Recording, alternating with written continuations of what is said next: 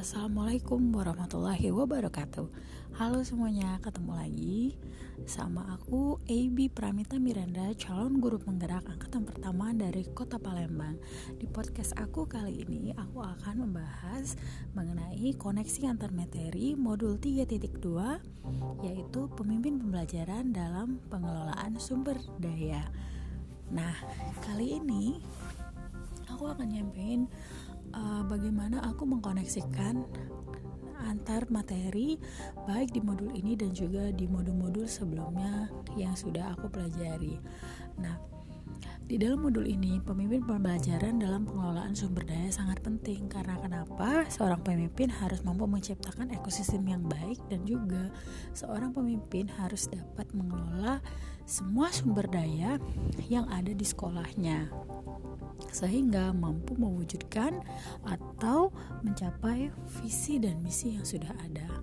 Nah, bagaimana cara menerapkan uh, peran sebagai pemimpin pelajaran dalam pengelolaan sumber daya aset dan modal yang pertama kita harus terlebih dahulu memahami bagaimana menjadi seorang pemimpin pelajaran dalam pengelolaan sumber daya ya dengan cara uh, studi literasi dan juga uh, observasi dan juga uh, apa ya studi literasi seperti itu.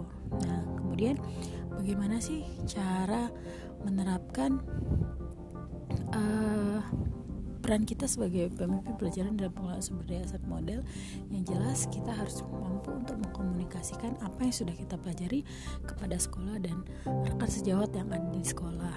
Nah, Selain itu, kita juga harus bisa memetakan aset utama yang dimiliki oleh sekolah.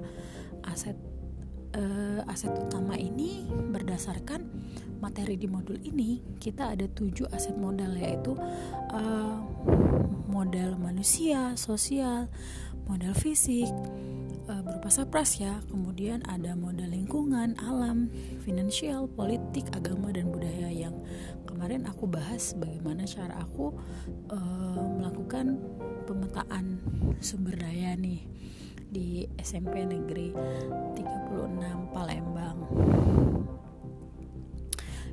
kemudian uh,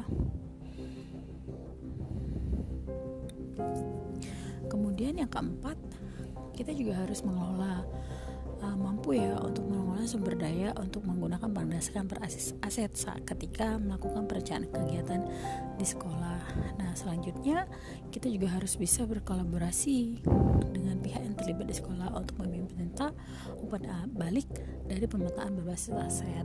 Nah, setelah dari itu kita harus bisa membuat arsip hasil dalam mengelola sumber daya di sekolah. Nah, apa sih hubungan pengelolaan sumber daya dengan pembelajaran berkualitas kepada murid atau berdampak pada murid? Ya jelas, karena ini kan e, timbuk ya.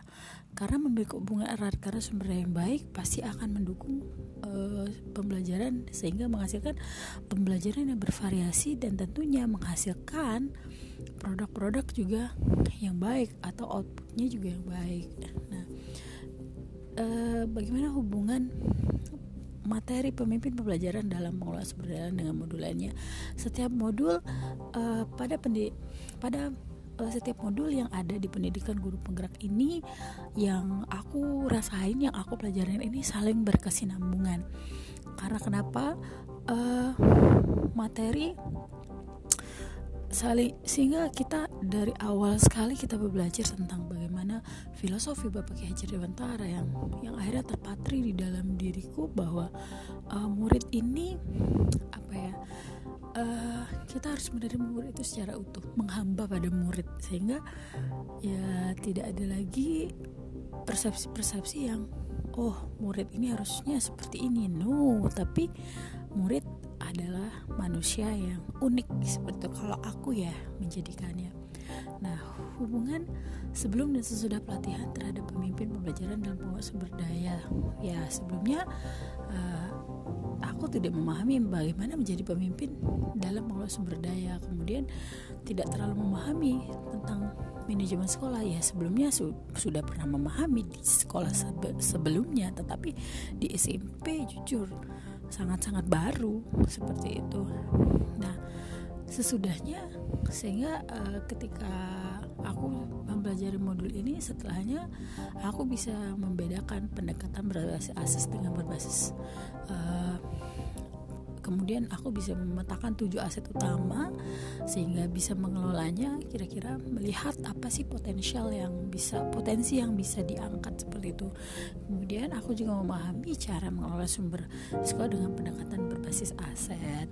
Mungkin itu teman-teman koneksi antar materi di modul 3.2 mengenai pemimpin pembelajaran dalam mengelola sumber daya yang bisa aku sampaikan. Mudah-mudahan bermanfaat dan menjadi inspirasi dari teman-teman semuanya. Uh, saya tidak ya aku hanya manusia biasa yang uh, masih banyak kekurangannya dan tentunya podcast aku juga masih masih newbie di dunia perpodcastan ini tapi aku suka untuk melakukan rekam suara. Sehingga rata-rata tugas yang aku buat ini melalui podcast. So thank you so much. Aku tutup dengan wassalamualaikum warahmatullahi wabarakatuh. Sampai ketemu di podcast podcast aku selanjutnya. Bye